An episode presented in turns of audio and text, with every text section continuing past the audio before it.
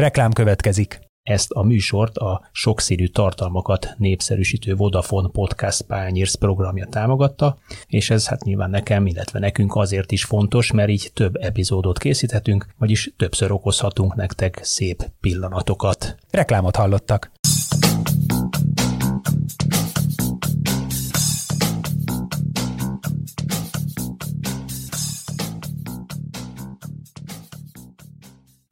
Sziasztok, ez itt a Zicser, a 24.hu focis podcastja. Én Kálnoki Kis Attila vagyok, és szokás szerint eh, a VB egyik mérkőzés napja után másnap délelőtt jelentkezünk, mégpedig eh, az egyenes kieséses szakasz első mérkőzése, után a Hollandia-USA 3-1 és az Argentina-Ausztrália 2-1-es mérkőzésről fogunk beszélni. Ezzel is árultam mindjárt az elején, ami nem titok persze, hogy Hollandia és Argentina jutott tovább a negyeddöntőbe, ez a két csapat találkozik majd egymással, igazán érkezés, érdekes mérkőzés lesz. Ezúttal viszont olyan vendégeket hívtunk nektek, akik adott térségben egyébként jártasak, sőt, saját tapasztalat is van. Így itt ül mellettem Vadosz Krisztián, 42-szeres magyar válogatott labdarúgó, korábbi La Liga, Osasuna, Alaves játékos, aki mondjuk 2010 májusában egy akkora gólt rugott Real Madridnak, hogy azóta is tátva maradt a nézők szája, és jelenleg épp a urugvái centrál eszpanyol játékosa, ha jól tudom, december 31-ig. Szia, Krisztián! Jó reggelt, sziasztok! Így van, minden jól hangzott. Tökéletes volt a felsorolás. Mondjuk a klubjaidat nem tudnám felsorolni, annyi, annyi helyen játszottál, hogy az elképesztő, és egy igazi, igazi futballvilágot látott ember vagy. A vonal túlsó végén viszont újfent az Egyesült Államokat kapcsoljuk, hogy megszoktátok az amerikai labdarúgó válogatott mérkőzései után, és Militár Iván az El Paso FC Akadémia igazgatója van itt velünk. Szevasz Iván! Mindig kihagyod a lokomotív uh, részét, elpászol lokomotív FC, hát a lokomotív az a legfo- legfontosabb. Képzeld el Amerikába, a kommunista nevet adunk Amerikába a csapatoknak, azt ezt kihagyod, hát gondolod el ezt, hogy milyen ellentmondás, én is üdvözlök mindenkit, nektek jó reggelt, nekem meg jó estét. Ja, igen, ott este 11 óra, és bocsánat, hogy kihagytam a lokomotívot, végül is tényleg igazad van, a lokomotív Sofia, a lokomotív, stb. rengeteg ilyen volt szocialista klub volt. De ez érdekes, mert hogy alakult ez ki? Hát ez nagyon jó kérdés, fogalmam nincs valószínű azért, mert egyébként itt egy, egy ilyen fontos vasúti szakasz van a határ mellett, úgyhogy emiatt, szerintem emiatt van az, hogy, hogy robog, a, robog a lokomotív. Hát én úgy szoktam mondani, hogy az elpásztói vasas gyakorlatilag, a, ami, ami, ami itt megvalósult. Úgyhogy, úgyhogy mondom, nem, nem távol az otthontól, de mégse olyan távol. Nem vasas, vasutas nem? Hát a Vasas az Vagy vasutas. szakszervezeti csapat volt, a Vasas. Érte. Vasasa. Jó, jó értetted, hogy mit mondtam, na. Igen, igen, igen, oké. Okay. Késő, késő van, meg korábban. No, de, de úgy, úgy. kezdjük akkor rögtön ezzel a, a hollandusa mérkőzéssel. Kifejezetten lüktető jó mérkőzést látott, aki, aki nézte. Én úgy foglalnám össze, hogy hogy egy, egy rendkívül fiatal, ugye erről beszélgettünk már amerikai válogatott, átlag életkora 25 év körül volt valahol, egy kicsit naív megközelítéssel állt egy teljesen vérprofi edző és vérprofi rutinos csapat játékosaihoz, és tulajdonképpen kicsit azzal szembesültek számomra, mint amivel Kanada szembesült a Horvátország elleni meccsen, hogy, hogy jó-jó ez a, ez a nagyiramú letámadás, de amikor van egy olyan középpályád, meg egy olyan szélső játékod, ahol két passzal vagy egy-egy leforgással le, tud, le tudnak mozogni a, a a letámadásodról, akkor nagyon-nagyon nagy bajba kerülsz, mert ott hirtelen egy-egy egybe vagy létszámfölénybe találod magad a védelembe, amit azért ezen a szinten le is játszanak, ezt, ezt láttuk körülbelül az én gyors összefoglalásomban. Ti mit láttatok? Hát nézd, én kezdem én akkor gyorsan. Igen, én, én úgy látom, hogy, vagy úgy láttam, hogy ez a két edző közötti különbség volt. Egy ritkán látható egyébként, ez nem, nem lehet ilyen egyértelműen kimutatni, meg egy a futballnak csomó más fontos része van, de, de gyakorlatilag e, ezen a mérkőzésen az egyértelműen látszott, legalábbis az én olvasatomban, hogy Greg Belháter egész egyszerűen nem olyan, nem olyan kvalitású edző, mint Louis Van Gaal. Erről már beszéltünk egyébként a korábbi adásokban is, hogy a futballban van többféle ilyen alapállás, én ezt alapállásnak szoktam hívni. Ugye van a védekező kontrázó, van az, amikor ilyen átmenetesdi van, van, amikor a labdával akar dominálni, és és ennek ugye az az érdekes része, hogy mi van akkor, hogyha két olyan csapat találkozik, amelyik védekezni és kontrázni akar. Mind a kettő a labda nélkül akar futballozni igazából. Ami azért is érdekes, és erre majd kitérhetünk, hogy Louis Van Gaal ugye nem így ismertük meg, sokkal pragmatikusabb lett így időskorára, az eredményeket sokkal inkább, hogy mondjam, szem előtt tartja, mint, mint korábban. Korábban ugye a stilisztikát tartotta legelső, legelső sorban, ugye totális futball, az Ajaxról ismerhetjük, hogy milyen attraktív futballt csinált, és azóta egyre pragmatikusabbá vált egészen odáig, hogy, hogy most ott tartunk, hogy gyakorlatilag kontrázni tanítja az holland válogatottat, ami elképzelhetetlen lett volna mondjuk a 2000-es években. Na de visszatérve erre, mi van akkor, hogyha... Bocsánat, igen. Lehet, lehet, hogy ugye annyit rutinosodott, hogy már ő is látja, hogy egy-egy világbajnokságon nem a szépségbe kell belehalni, hanem győzni kell minden áron. De, én azért, én azért ottkonnék attól, hogy ezt ilyen nagyon pozitívan állítsuk be, mert láthatjuk például Márko Rosszinál is, hogy, hogy ugyanez a, ugyanez a művelet lett végrehajtva, tehát egy olyan futballkultúrában, ahol magyar tradíció van, ott megcsináltuk azt, hogy olaszul focizunk. Na most, most erre lehet azt mondani, most ez másik műsor témája kell, hogy legyen, most erre lehet azt mondani, hogy fú, de jó, hogy ilyen pragmatikus, meg ilyen eredményesek vagyunk, csak azt is el lehet mondani, hogy ez viszont a tradíciótól idegen. Ugyanígy a hollandoknál is. Én nekem nem tetszik az, hogy a hollandok nem szeretnének a labdával fotbalozni, de ez csak az én magánvéleményem. De inkább most, hogy visszatérve erre a, erre a mérkőzésre. Tehát mi van akkor, hogyha két csapat, amelyik nem akarja, hogy nála legyen a labda, akkor abból hogy, hogy, hogy lesz ez az egész úgy lett, hogy Fanhál azt mondta, hogy a, tudja, hogy Berháter nem tudja megtervezni a labdabirtoklási momentumokat, egész egyszerűen nem fognak tudni helyzetet kialakítani, akkor tud Amerika jó lenni, amikor rohanás van ide, rohanás van oda. Ezt elvette, gyakorlatilag kivette a kezéből ezt az eszközt eh, Louis van Gaal Berhátertől, és ezt láthattuk. Hollandia gyakorlatilag egy ilyen hogy is mondjam, egy nagyon sima meccsen, taktikailag nagyon sima meccsen majdnem minden ült nekik, Amerika pedig szenvedett, mert a két belső védőnek, Rímnek meg Zimmermannak kellett szervezni a játékot, azt meg most hagyd ne térjek ki, hogy Zimmerman mennyire alkalmatlan volt erre. Egyébként az mls is mutatta, hogy nem elég, hogy labdás momentumokban gyenge a nemzetközi szinthez, hanem védekezésben is. Ugye ez a második ütembe visszalőtt két labda, és abból a két gól, mind a kétszer, hogyha mondjuk Van Dijk vagy Aki van az amerikai válogatott belső védői között, akkor lehet, hogy nem szerez gólt Hollandia. Egyébként érdekes, amit a, a, az Iván mond. Ha nem láttam volna a meccset, már akkor is tudom, hogy mi történt a meccsen, mert nagyon jól ö, leírta. Én egy kicsit távolabbról indítanék ö, Hollandia szempontjából. Nekem már a csoportmérkőzések alkalmával nagyon nem tetszett, hogy ez, a, ez az öt védő stílus, 5-3-2, akkor ugye még a, a, a Depay ráadásul ö, nem is játszott, vagy, vagy ö, csak ö, be, beáldogált a mérkőzésekbe. Nagyon nem volt semmilyen veszély, vagy semmilyen éle a, a holland csapatnak, és pont tegnap éreztem azt, hogy, hogy USA szinte fölkínálta számukra azt, hogy hogy kicsit többet voltak még így is labdával, mint a csoportmérkőzések alkalmával, de viszont időt adtak, hogy, hogy folyamatosan hárman, négyen meg tudtak érkezni most a hollandok közül a, a 16-oson belülre.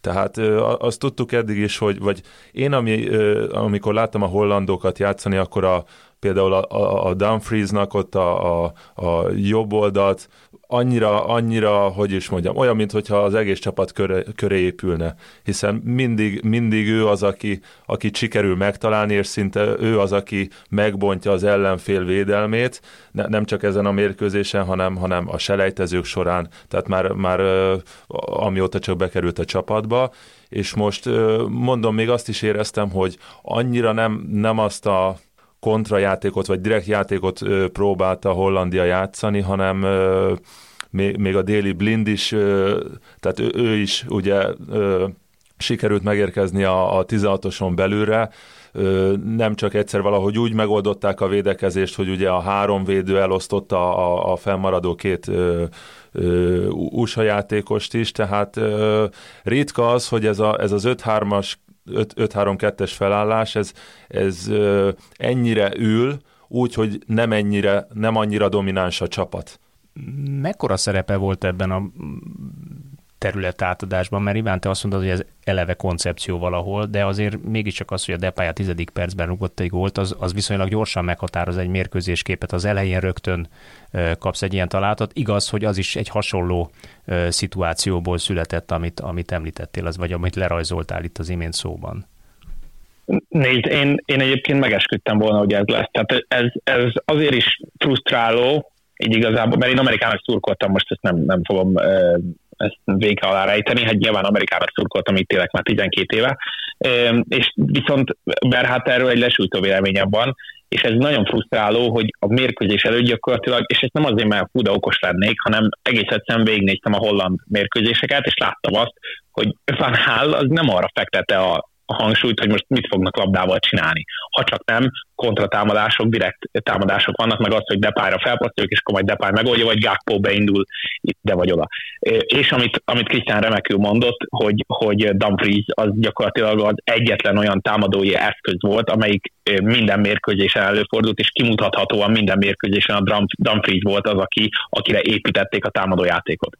Ha nem, ugye, Luis Van Gaal arra koncentrált, hogy hogyan szervezi meg labda nélküli játékot. Egész egyszerűen az első perctől látható volt, hogy a szélességi játékot fogja feladni Luis Van Gaal. Egyébként ez a 3-5-2-ből, vagy 3, ahogy, ahogy akarjuk nevezni, 5-3-2-ből, ez, ez egyértelműen kijön, mert amikor 4-3-3-at játszol, akkor van egy jobb hátvéded, meg egy jobb szélsőd. Ők meg egyetlen egy szárnyvédővel játszanak, akkor nyilván kettő az egy van a szélen, és akkor ez, tehát ez egy nagyon egyértelmű, ezen nem kell sakkozni se, ez egyértelműen látszik. Na most ebből mi lett?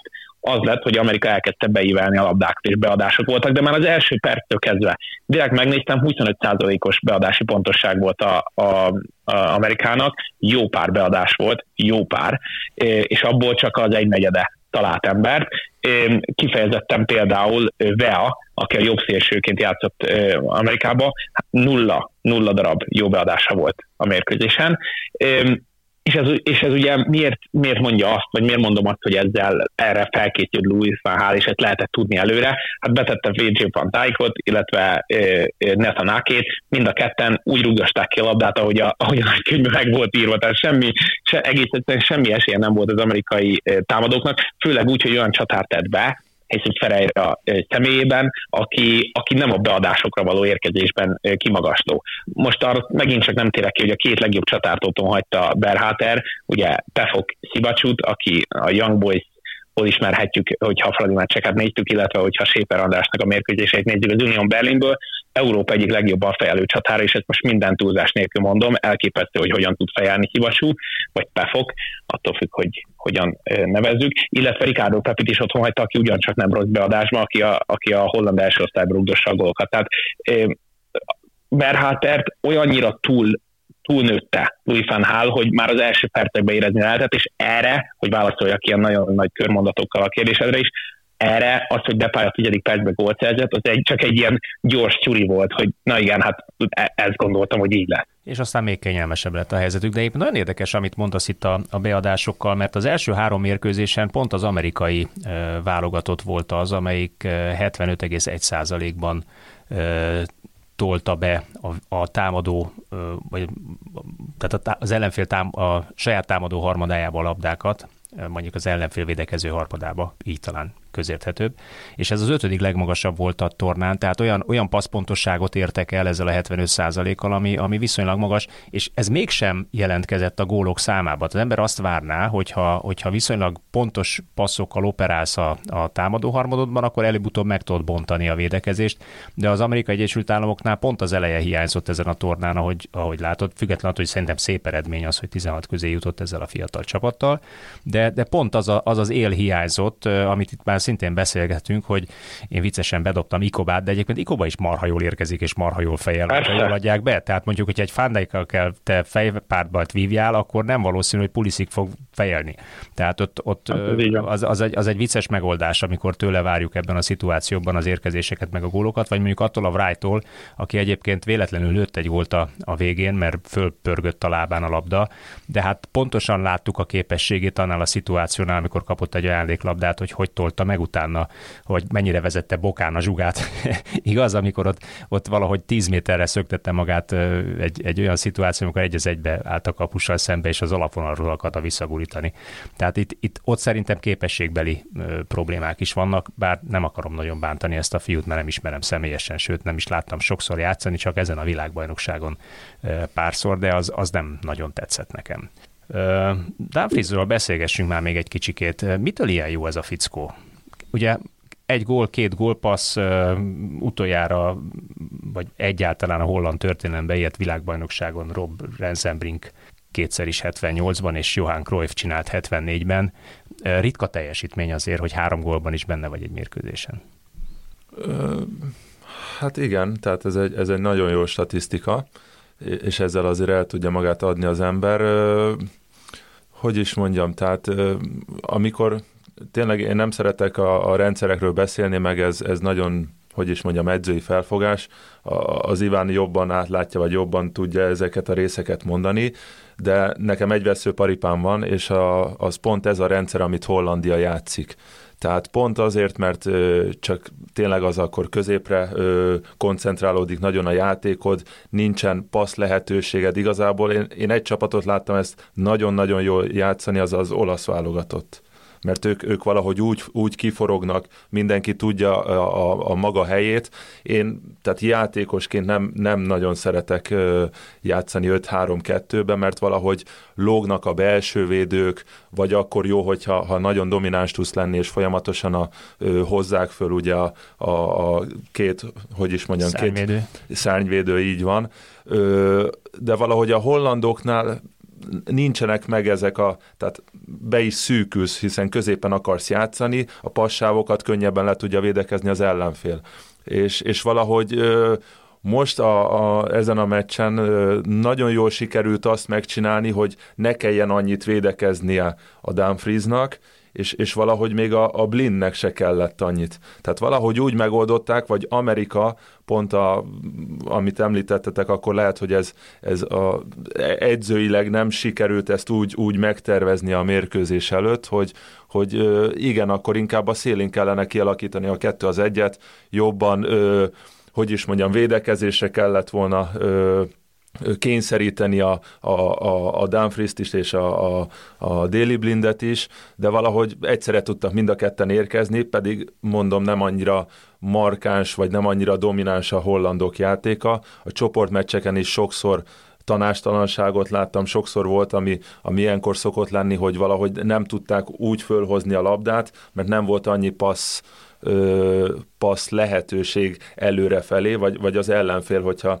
jobban ö, befelé tömörül, akkor, akkor igazából ö, fú, na, nagyon rossz ezt átélni játékosként is, hogy, hogy, hogy nincsen választási lehetőséged egyszerűen. Hátrafelé tudsz passzolni középpályásként, de, vagy a szélére, de, de a szélén, ahogy, ahogy mondom, tehát csak egy játékos van, most viszont jól, jól ki tudták valahogy, mindig szemből tudta megkapni a labdát a, a, a, a két széle, ne, nem, nem tudom.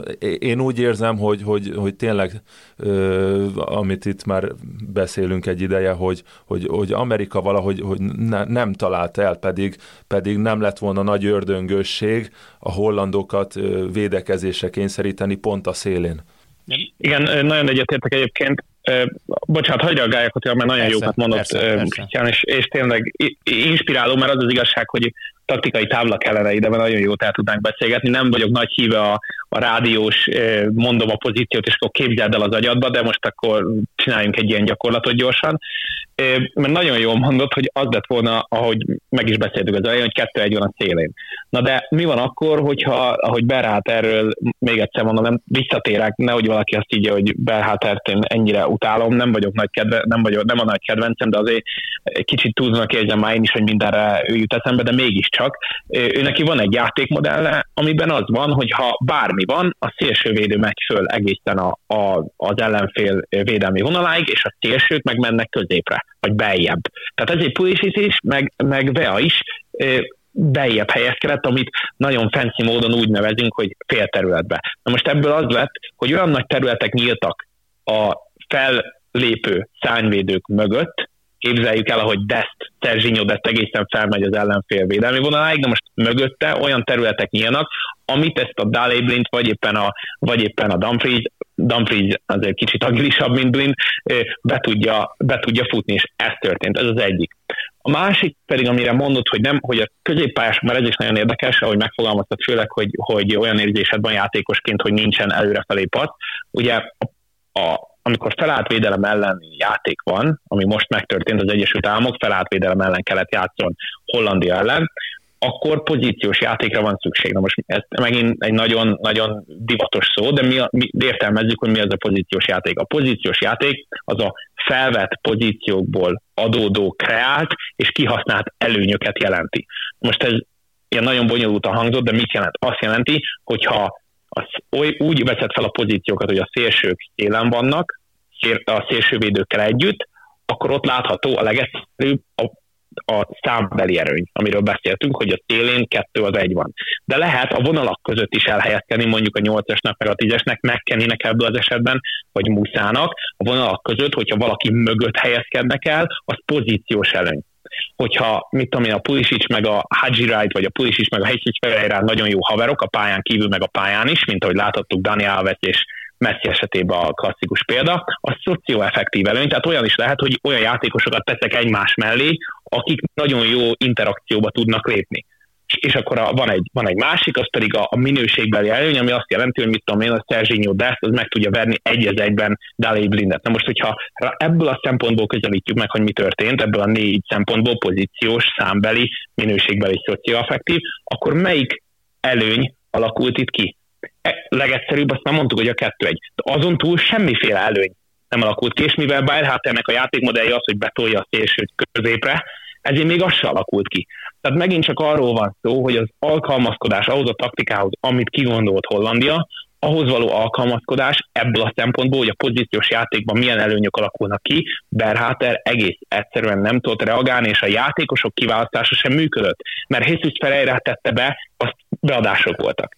Mert hogyha beteszi Haji Wright az elejétől, és beadás van, akkor oké, okay, rendben van. Igen, De beteszi azt az elmozgó, Na, tehát semmiféle előny nem alakult ki, és ezért, ezért mondom azt, ezért mondom azt, hogy, hogy, a, hogy a, az a fajta tanácsalanság, ami Amerikánál látszott, az ebből a, fakad, és az a fajta ö, ö, szabadság, ami Dumfries előtt volt, az meg abból, hogy, hogy a Berháter féle játék elképzelésben a szárnyvédők vagy a szélsővédők egészen föltolódtak, és terület alakult ki mögöttük.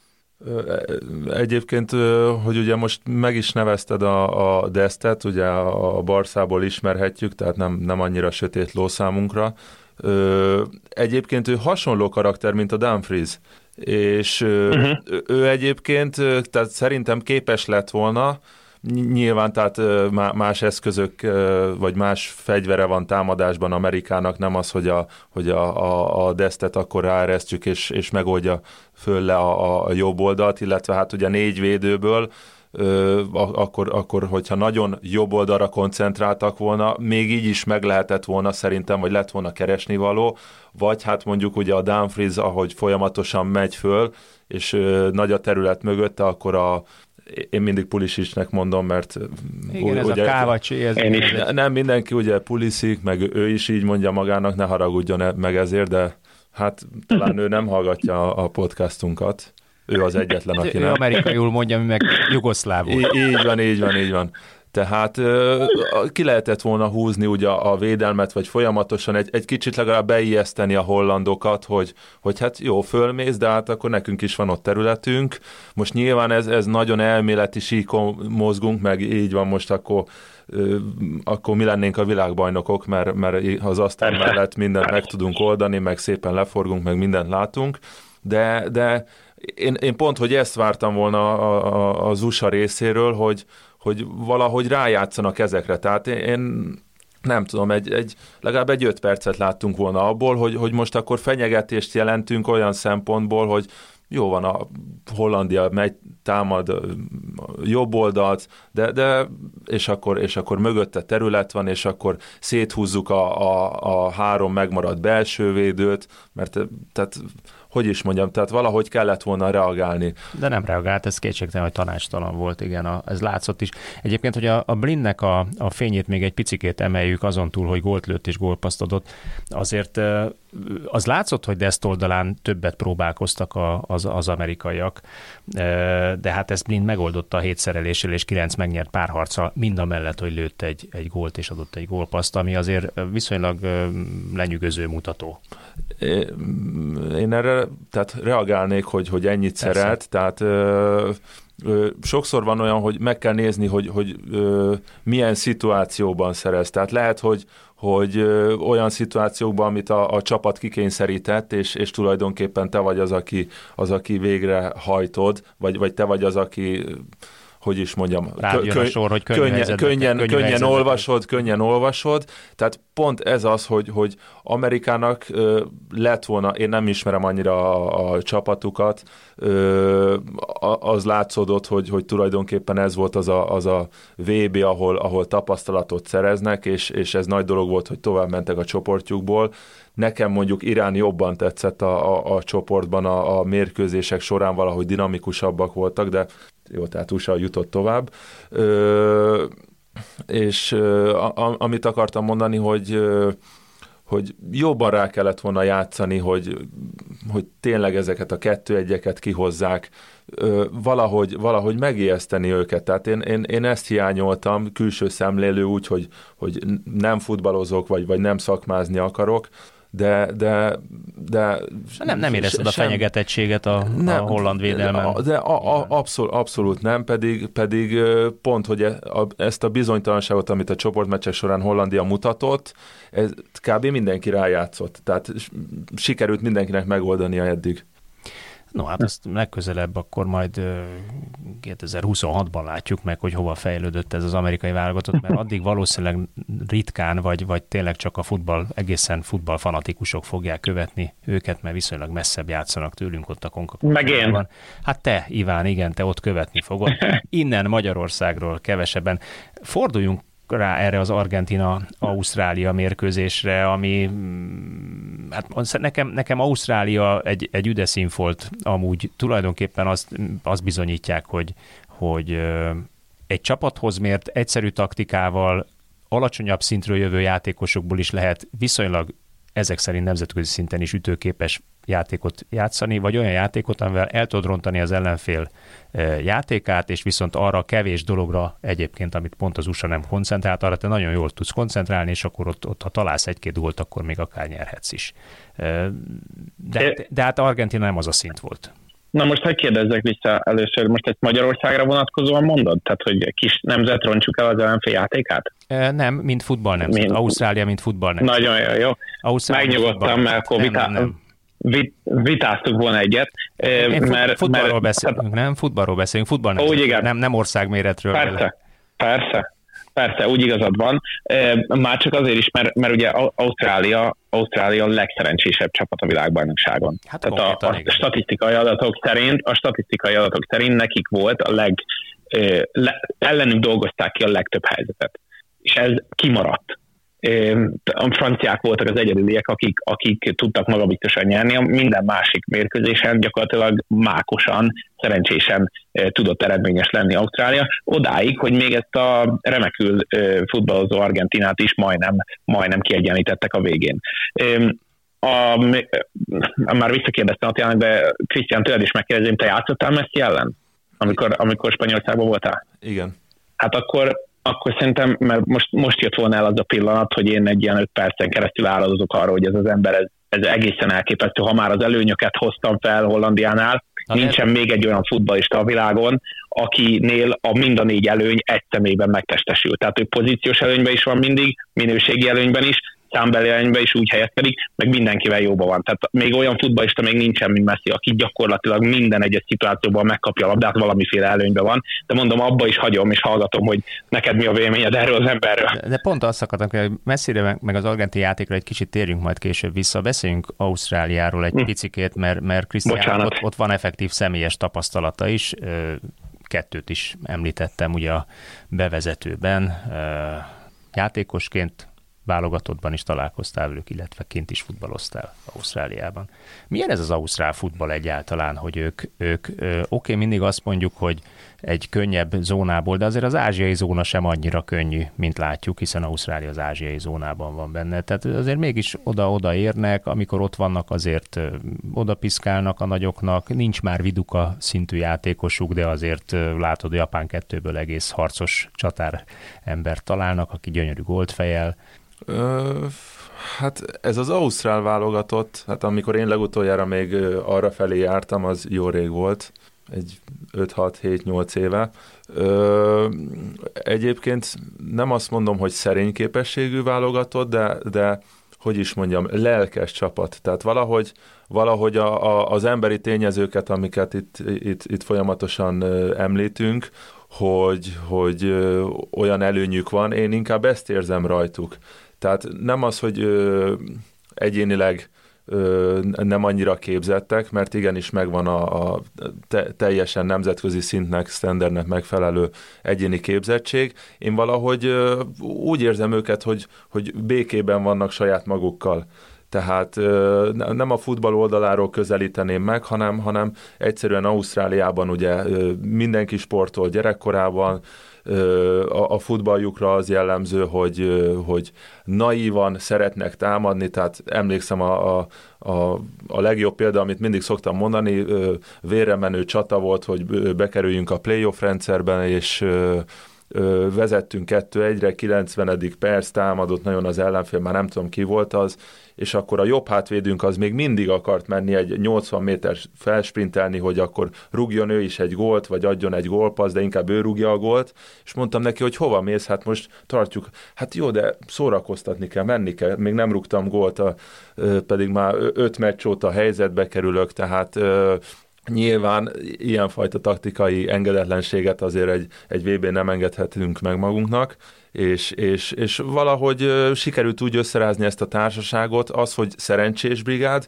Én úgy érzem, hogy nagyon sok szerencsés brigád van, Ö, és, és valahogy, valahogy nem tudom, olyan, olyan időszakban sik, talált meg minket ez a világbajnokság, hogy valahogy a, a csapatokat nem érzem élesnek, és ebből ebből fakad szerintem, hogy annyi meglepetés van mostanában. Én Ausztrália továbbjutását is ennek tudnám be. Szerintem is egyértelmű, de azt azért emeljük ki, hogy, hogy ez az Ausztrál válogatott, ha jól emlékszem, egy viszonylag szigorú 4-4-2-ben állt föl és védekezett, és nem nagyon akartak elrohangálni. Tehát, minthogyha, minthogyha azért az a keret, aki itt lett volna, az pontosan tisztában van azzal a futballpiaci tényel, ami őket beárazza, és ahol éppen pillanatnyilag játszanak. Tehát itt inkább egy nagyon alázatos, nagyon erős, ahogy mondod, erős csapat kohéziót alkotó garnitúra jött ki, amit a szövetségkapitány annak idején, mint körülbelül Dárdai Pál azt mondta, hogy gyerekek nem tudunk futballozni, tanuljunk meg védekezni. Ugye ő is ezt mondta, legyünk türelmesek, majd a 81 ne fütyüljön, kérlek, kedves közönség, ne fütyüljél a 79. percben, lehet, hogy a 81. percben jön Gera és fejel egy gólt, és így lett. Ugye hányszor volt ez? És ezt valahogy, hogyha sikerül elfogadtatni a, a közönséggel, akkor azt látjuk, mint Ausztráliában, hogy tombolnak az utcán éjjel háromkor. Tehát azért az, az, az egy, ez egy érdekes dolog, miközben Ausztráliában az európai futball azért nem az első számú sport, sőt, ott van rögbi, van az ausztrál foci, ami, ami ugye teljesen speciális játék, valahol a, a rögbi, az amerikai futball és az európai futball keveréke, egy ilyen ovális pályán, zárójel, aki nem ismeri, keressen rá a, a YouTube-on, mert elképesztő látványos dolgokat fog látni teltház előtt, óriási sztori uh-huh. egyébként az ausztrál foci. De minden esetre nekem ez egy, ez egy üdes színfolt volt. De nézzük meg, hogy, hogy azért ezt a, ezt a konkrétan zárt védekezést hogyan próbálta szerintetek föltörni Argentina egyébként sikeresen. Messinek mi volt a szerepe? Mert mintha más, másképp játszott volna, én nagyon sokszor azt láttam, hogy ugye körülbelül egy ilyen 4-3-3-as alapfelállás a támadásban teljesen átalakult, ott maradt három ember, messzi előttük, mintha egy ilyen mélységirányító lett volna, kilépett tunnel előről hátra, és vagy passzal, vagy egyéni megindulással, ugye kis passzos játéka, vagy egyéni megindulással próbálták volna föltörni a védekezést. Um, bocsánat, még annyit, hogy, hogy a, itt aki Igen, annyit hozzá akartam tenni, csak nem akartam közvágni, hogy itt Ausztrál egy volt egyébként itt az elpászoló lokomotív FC-nél. Most néztem, gyorsan ránéztem, még beszéltetek, az a neve, hogy John Hutchinson. Jobban lettem vele nagyon. John Hutchinson a Central Coast Mariners-be játszott, szerintem játszottál ellene, úgyhogy kicsi a világ. Azóta már visszavonult és edző lett. Na mindegy, de válaszolva a kérdésedre, az volt az érdekes az argentin kezdővel, hogy Papu Gomez lépett be kezdőként, aki eddig ugye, eddig ugye a kispadon volt. Nem játszott egyébként kifejezetten jól, ugyanakkor beállította azt a fajta elképzelést, amit most Caloni kigondolt erre a meccse.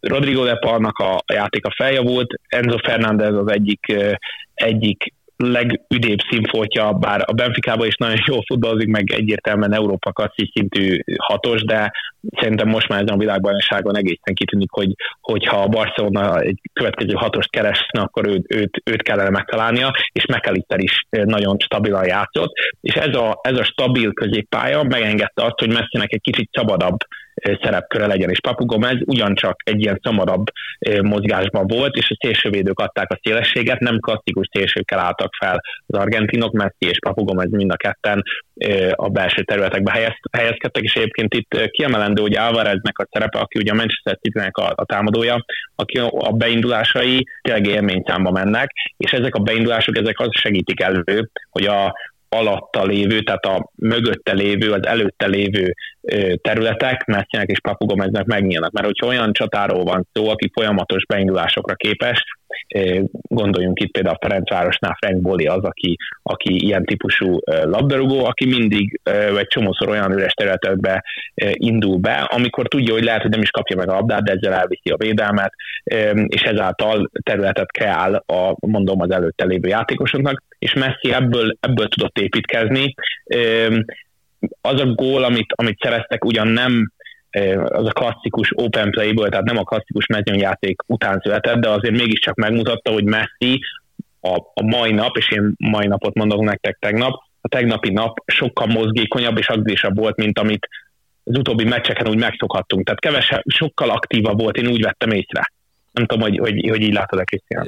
Igen, igen, abszolút egyébként, tehát na, nagyon jó pontokat érintettél, most akkor igen, időrendbe visszafelé most a, a, a messzis téma. Egyébként ugyanez volt az érzésem, hogy hogy, hogy tényleg ugyanaz a, az a, az a gyors, egy, egy méteren belül ötöt lépés és ötször tud irányt változtatni, tehát e, ezt a fajta mobilitás sát valahogy, valahogy én is most ezen a mérkőzésen éreztem, de nagyon és, és ez, ez nem azért volt, mert ahogy említetted, hogy voltak beindulások, és, és ezáltal nagyobb terület keletkezett a védelem és a középpálya között, tehát illetve a, a az ausztrálok védelme ezért mindig fenyegetetve érezték magukat, hogy a, hogy a, a, a mögöttük lévő területbe beindulnak, és ezért nem fognak úgy kilépegetni a, a, a papugomezre, illetve a, a, a messzire, de, de valahogy hogy tényleg a gólnál is pont annyira tolta meg a Messi, a, ami tőle megszokható volt, hogy, hogy nagyon kicsit, de, de nem adott lehetőséget, hogy a védő ö, tudjon lépni vele. Tehát, és, és ez, a, ez az összes többi támadásra, tehát teg, tegnap ö, rendkívül ö, sok ilyen támadásban volt része, nyilván a végén, amikor már kitámad az ellenfél, akkor, akkor még több terület ö, nyílik, de, de valahogy azok a régi passzok, azok a, a, a barszás időket idéző játék, az, az, az a, rendkívül jó volt, és, és ami furcsa volt, hogy a, a meccs után egyébként ünnepelt, meg ő is ugyanúgy é, énekelt a, a többiekkel, ezt, ezt én se láttam még soha tőle, tehát ö, amit, amit eddig említettél mindig, hogy, hogy van egy ilyen asszociáció a többiekkel. Egyébként ez nagyon jól lehet látni, mert ugye a De Paul éjjel-nappal ölelgeti, tehát nem tudom, egyébként régen nem engedte volna meg ezt a, a Messi, de valahogy most úgy megváltozott benne valami, vagy, vagy kicsit lehet, hogy, hogy úgy volt egy, egy mélypontja, amikor így is rugott rengeteg volt, annyi volt, hogy annyi meccset mi nem játszottunk topligába, tehát amikor rosszul megy, akkor is jól megy.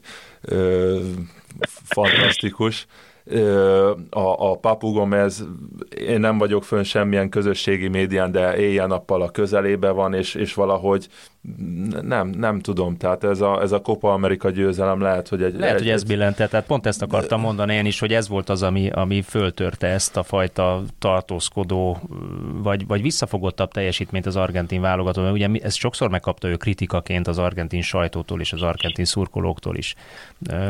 De de egyébként egészen, ez egészen lenyűgöző az a komplexitás, és, és hadd húzzak egy, egy párhuzamot.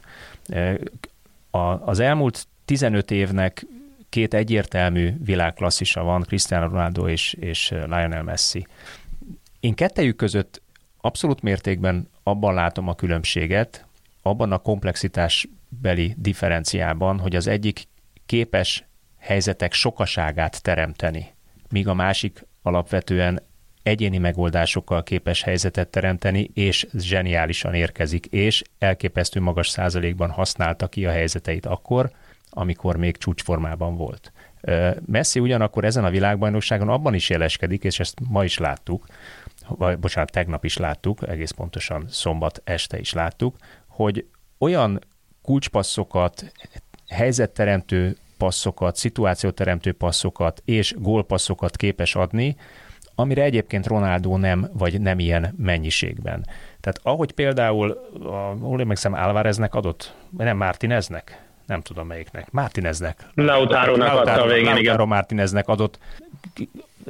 Konkrétan szerintem az Ausz, vagy a kanadai kanadai, már félre beszélek.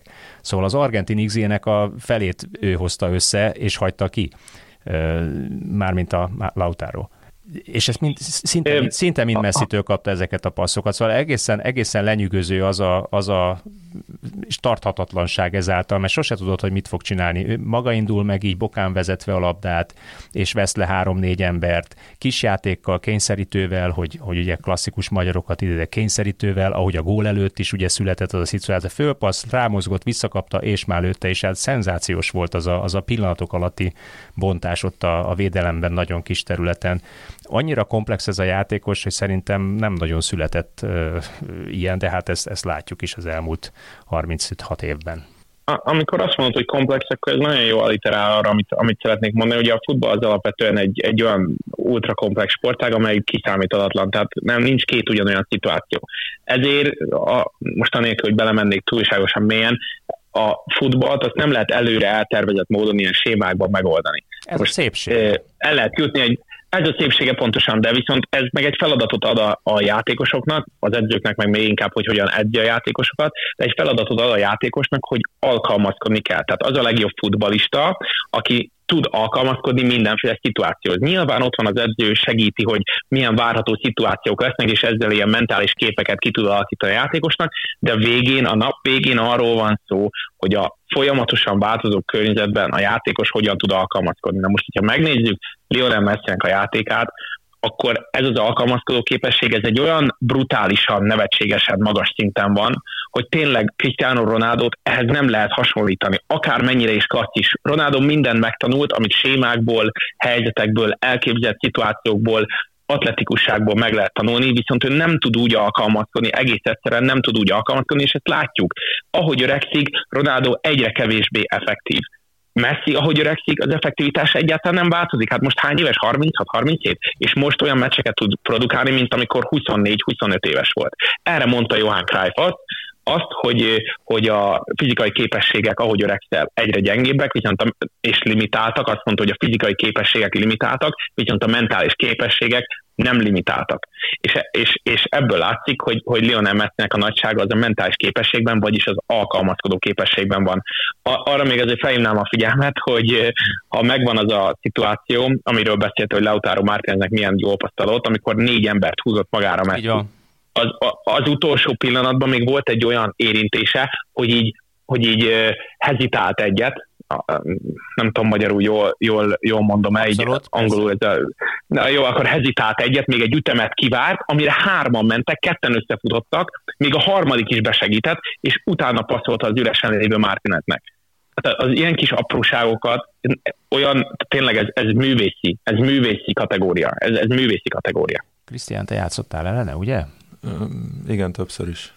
Milyen, milyen, érzés úgy állni egy ilyen, ugye te alapvetően középpályán 6-os, 8-as pozícióba játszottál, feltételezem viszonylag sűrűn kerültél vele szembe olyan szituáció, amikor, amikor ez a kiszámíthatatlanság, vagy ez a művészi kiszámíthatatlanság, vagy, vagy rendkívüli alkalmazkodó készség, amit, amit mondott a, a, az Iván, ez szembe jött veled. Ez, ez, ez hogy kezeli egy játékos a pályán? Hát addigra már volt elég gondom a Csavival, meg az Iniestával, tehát ő már csak a, a, a hab volt a tortán, tehát teljesen mindegy volt már, csak nyomoztunk. Egyébként tehát nyilván kicsibe meg tudja oldani a, a, a dolgokat. Én egyébként azt mondanám, tehát egy kicsit amit az Iván mondott, hogy, hogy ő nem változott, szerintem egyébként nyilván, tehát változott, mert így a, így a, a az, utol, az utóbbi időben pont ezért lepett meg engem a, a például a tegnap, hogy a tegnap valahogy fizikálisan ugy, ugyan, ugyanazokat a dolgokat csinálta.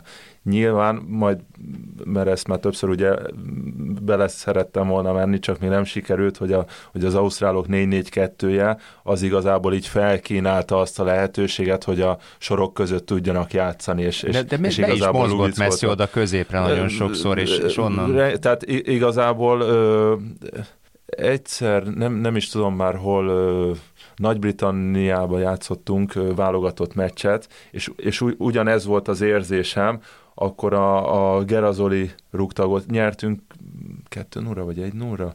Nem tudom már, Neki talán... Ö, igen, Vesz, ez a kérdés. Észak-Írország ellen. Észak-Írország ellen. Észak, és 16-oson kívülről lőtte. Így van, van, így van, aha. így van. Na, Na hát, de, tessék, almanak, így van, így van, így van, így van, és, és ez Néztem volt az a meccseket. És, és hát én meg játszottam, de nem emlékszek, tehát szomorú. Ö, és, és ugyanez volt az érzésem, hogy, hogy ö, akkor is valahogy, hát a, ugye nyilván a, a Gerazolinak a, a játék tudása, de ezt mindig imádta, és ezt sokszor mondta, hogy a, hogy a vonalak között, amikor ennyire ilyen a 4-4-2 ellen ö, nem az, hogy könnyű játszani, de, de mégis van egy kis játékintelligenciád, és a csapatban megvan az a minimális ö, asszociáció, hogy akkor igen, ismerjük, hogy ott a, a hát Ausztráliában mondta mindig a, a brit edző, hogy a paket, tehát a, a. a a belső... Úgy, a vonalak között. Úgy van. A, vonalak a, véd, között. a védővonal és a középpályás vonal igen, közébe helyezkedik. Igen, illetve a szélső és a, és a, a mellette lévő belső játékos, védő, tehát közé. védő között, illetve a középpályások között is. Oda bemozogsz, és akkor onnan nagyon könnyedén tudod folytatni. Ö, és, és amit akartam egyébként mondani, hogy, hogy Messi mostanában nem vállalta föl ezeket a rágyorsításokat, vagy, vagy a, a francia ligában, amikor látja az ember, vagy a BL-be, valahogy azt érezte, hogy pont az a, az a szuperszonikus sebessége labdával, az egy kicsit megkopott, és éppen ezért nem indult nagyon neki ezeknek a hosszú vágtáknak, ami, amit régebben megszoktunk, de, de most tegnap nagyon kedvezett neki ez, a, ez, a, ez az ö, ausztráliai hadrend, és, és am, amit akartam mondani, pedig én nem vagyok ilyen nagy, hogy a szurkolók mennyit tesznek hozzá, de, de egyébként az argentin válogatott az egyetlen, ahol nagyon azt érzem, hogy, hogy rengeteg szurkolót mozgat meg a, a stadionon belülre, és, és, és úgy szurkolnak, ami, ami, amivel valahogy egy, egy más környezetet, egy, egy, egy nagyon kreatív vagy, vagy impulzív környezetet teremtenek, és, és szerintem ez, ez sok, vagy bénítólag hathat egy kicsit a, az ellenfelekre. Hát egy kimutatás szerint egyébként argentin és mexikói szurkolói egyigénylés volt a legtöbb a világbajnokságra, és ők is érkeztek legnagyobb számban. Ebből ugye mexikóiak már vagy hazamentek, vagy most akkor egy, egy másik csapatnak jelesül mondjuk egy, egy közeli országnak, vagy a relatív közeli országnak szurkolnak, ki tudja, ezt majd eldöntik. Viszont az kétségtelen tény, hogy a, a, az, az, a, az a közvetítésekből is átjött, hogy az argentin válogatott, mint a hazai környezetben futballozna. Egészen, egészen döbbenetes hangulatot teremtenek a, a, a szurkolók. Ez kifejezetten érdekes volt látni vagy tévé előtt ülve is látni, amit szintén kiemeltél, hogy Messi mennyire együtt van most a szurkolókkal. Ez meddig repítheti Argentinát? Mit éreztek? Vagy mit, mit vártok a, a, ugye most kialakult ez az ág, Hollandia, Argentina mérkőzés lesz, vagy Argentina-Hollandia, ezt most így meg nem mondom nektek fejből, ami tulajdonképpen egy 2014. július 9-i VB elődöntő, ahol Argentina büntetőkkel 4-2-re ejtette ki Hollandiát, vagy nem juttatta döntőbe Hollandiát és Argentinát a döntőbe, annak a visszavágója lesz. Hogyha, vannak, hogyha van ilyen, hogy futballistene, akkor gyakorlatilag itt, itt most messzinek áll minden. Tehát e, ez tényleg olyan, úgy érzed magadat, mint, a, mint 1986-ban, bár hat évvel voltam a megszületésem előtt, de, de olyan, olyan érzése van az embernek, mint hogyha tényleg megint arról van szó, hogy a világ legjobb játékosa, és a, én szerintem valaha ért legjobb játékosa, itt az esély, hogy felemelje azt a trófeát, amit tényleg minden egyes kisgyerek, amikor megszületik, fel kell emeljen. Az az érzése az embernek, hogy egész egyszerűen az igazságtalan, hogy ez az ember, aki ennyire, ennyire kiemelkedően jó, ne emelje fel ezt a trófát. És most eljött annak az ideje, hogy ez megtörténjen. Én szerintem ezt érzi az egész argentin nép, ezt érzi a világ minden részén minden turkoló, nyilván az angolok, meg a hollandok, meg a portugálok, meg ezek mind azt gondolják, hogy meg a spanyolok, hogy, hogy már pedig elront, elrontjuk ezt a, ezt a, ezt a proféciát, de egész egyszerűen én nekem milyen érzésem van már az elejétől kezdve, ahogy Messi ünnepel, ahogy megérkeznek, ahogy mondjuk, hiszen nagyon jól látja, hogy, hogy a szurkolók mennyit hozzátesznek tényleg ehhez a, ehhez a csapathoz, konkrétan ehhez az argentin csapathoz, és ahogy Messi viselkedik, hát hogyha drámai filmet, meg remélem valami dokumentarista követi az argentin válogatottat, meg kifejezetten messzit. Itt most egy olyan drámai végjátéka lesz, tehát vagy sírunk, vagy nevetünk a végén, de olyan drámai végjátéka lesz ennek az argentin válogatottnak, hogy olyat tényleg nagyon ritkán láttunk. Én, én szurkolok nekik egyébként, és egyértelműen őket várom, hogy tovább is Hollandia ellen. Nekem Hollandia egész egyszerűen nem mutatott annyit, meg nem, nem képvisel. Ha csak nem ugye Louis van Hál, ő az egyedül, aki miatt azt tudom mondani, hogy Hollandiának van esélye, amúgy a játékminőséget tekintve nincsen. Te mit vársz tőle, Krisztián? Ez jó kérdés egyébként, nekem is ez az érzésem, hogy Hollandia tényleg nem, nem mutatott, tehát hogyha egy kis, kis ellenállás van, vagy kis ö, kavarodás vagy káosz, amit, amit az ellenfél tud okozni, akkor, akkor ott már nincs annyi kvalitás most a csapatban, pedig mondjuk a Frankie de Jongot imádom, de Argentinát e-, erősebbnek érzem, de egyébként nekem nincsen az az érzésem, hogy, hogy most valahogy mhm. valami proféciának össze kell jönni Argentinának. Én például inkább, inkább érzem, vagy így a, a, a, az első pár mérkőzés után én inkább éreztem azt, hogy, hogy, hogy Brazília kiemelkedik, vagy, vagy a franciák nagyon, nagyon, hogy is mondjam, profin, de mégis telekvalitással, meg, meg olyan támadásokkal mennek, hogy, hogy, hogy tehát azon látszik, hogy úgy élesek.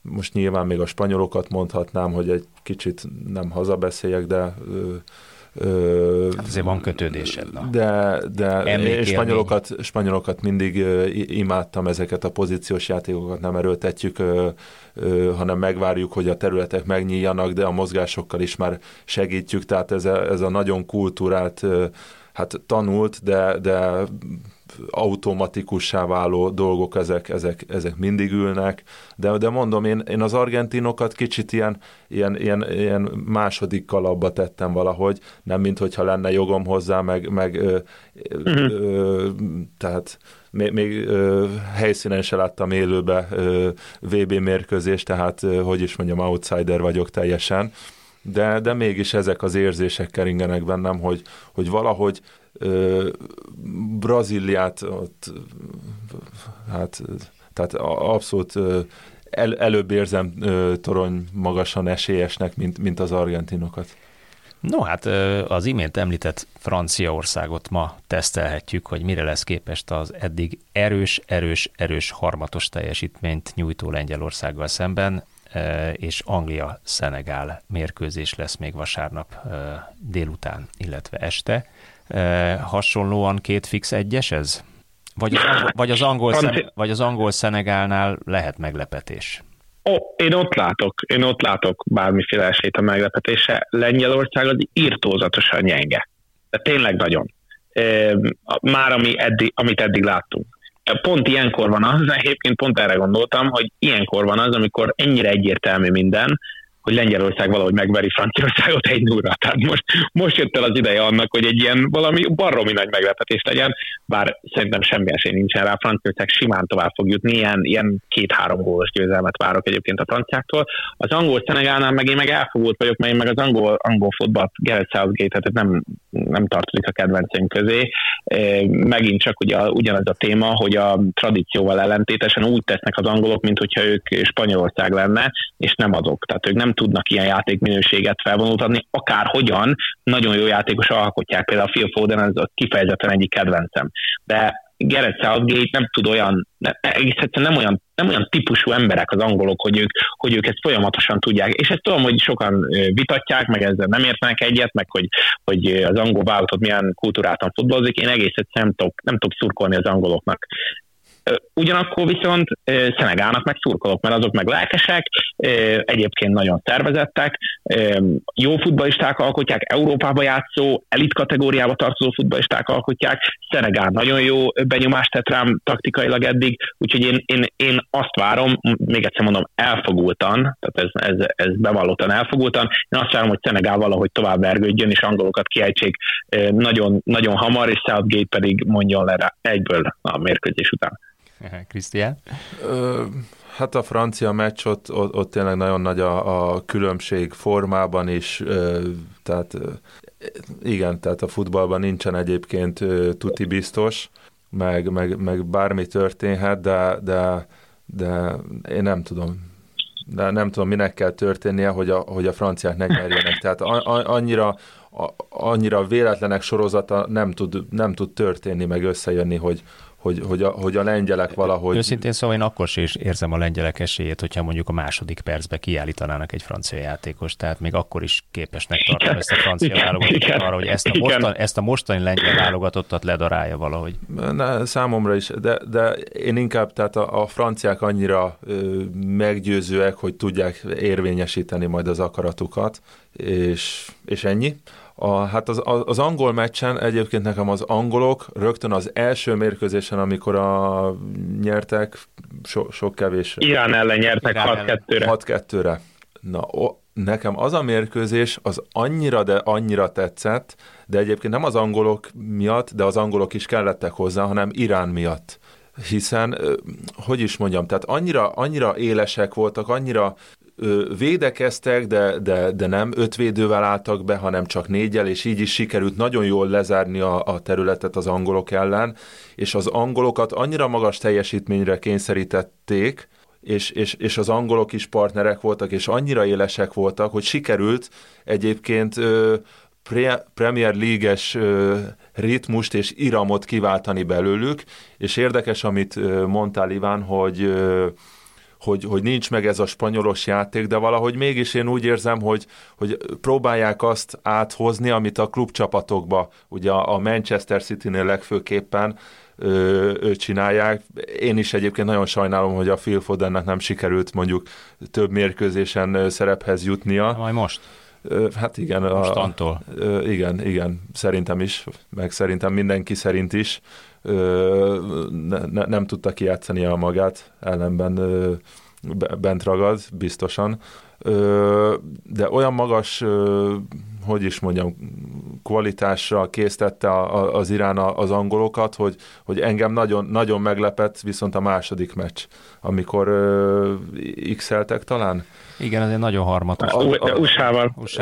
USA-val pont. A, tehát annyi, annyira visszavettek, hogy az egy, vagy, vagy annyira nem tudom, a környezet, vagy a légkör, vagy, vagy máshogy fújták a, a, biztos a négy pont, vagy a biztos négy pont. Igen, vagy, igen, okay, az is lehet. Döntetlen négy pontot már akkor rendben vagyunk. De, de, de éppen ezért én azt érzem, hogy a Southgate egy kicsit próbálja szabadon hagyni ezt, hogy amit a klubcsapataikba megtapasztaltak, hogy, hogy a fölény megvan, és, és a pozíciós játékban is erős tud lenni, ami nem a, a, az angolok tradíciója, de, de igen, hát többször elmondták, hogy hátul azért van problémájuk, de annak ellenére szerintem valahogy, valahogy összeszedik magukat, és, és érvényesíteni fogják ők is azért a, a papírformát. Nem, nem szeretem. Hát tudásbeli fölényüket igen, nevezzük, igen, igen. akkor ilyen futball, vagy, vagy ilyen futball szakzsargonnal, újságírói szakzsargonnal. Annyit azért még elárulnék a kedves hallgatóknak itt a végén, hogy Krisztián melegítőben ül mellettem, innen indul futni, készül a következő évre, hiszen az urugvái szezonnak vége, ott egy tavasz-őszi szezon van, és készül arra, hogy januártól, februártól egy ki tudja hol, újabb állomás helyen futballozzon tovább. Úgyhogy ezért aztán különösen köszönöm neked, hogy ebben a hajnali órában vasárnap reggel hétkor időt szakítottál ránk, és a hallgatók nevében is köszönöm. Iván, neked pedig, hogy a szombat esti bulidat áldoztat föl, ha lett volna ilyen a, a Zicser Extra hallgatóért kedvéért. Kedves hallgatók, nektek meg azt köszönöm, hogy velünk vagytok, és arra biztatlak benneteket, hogy hétfőn is hallgassatok minket, mert hétfőn ezután a francia-lengyel és angol-szenegál meccs után is jelentkezünk. Sziasztok!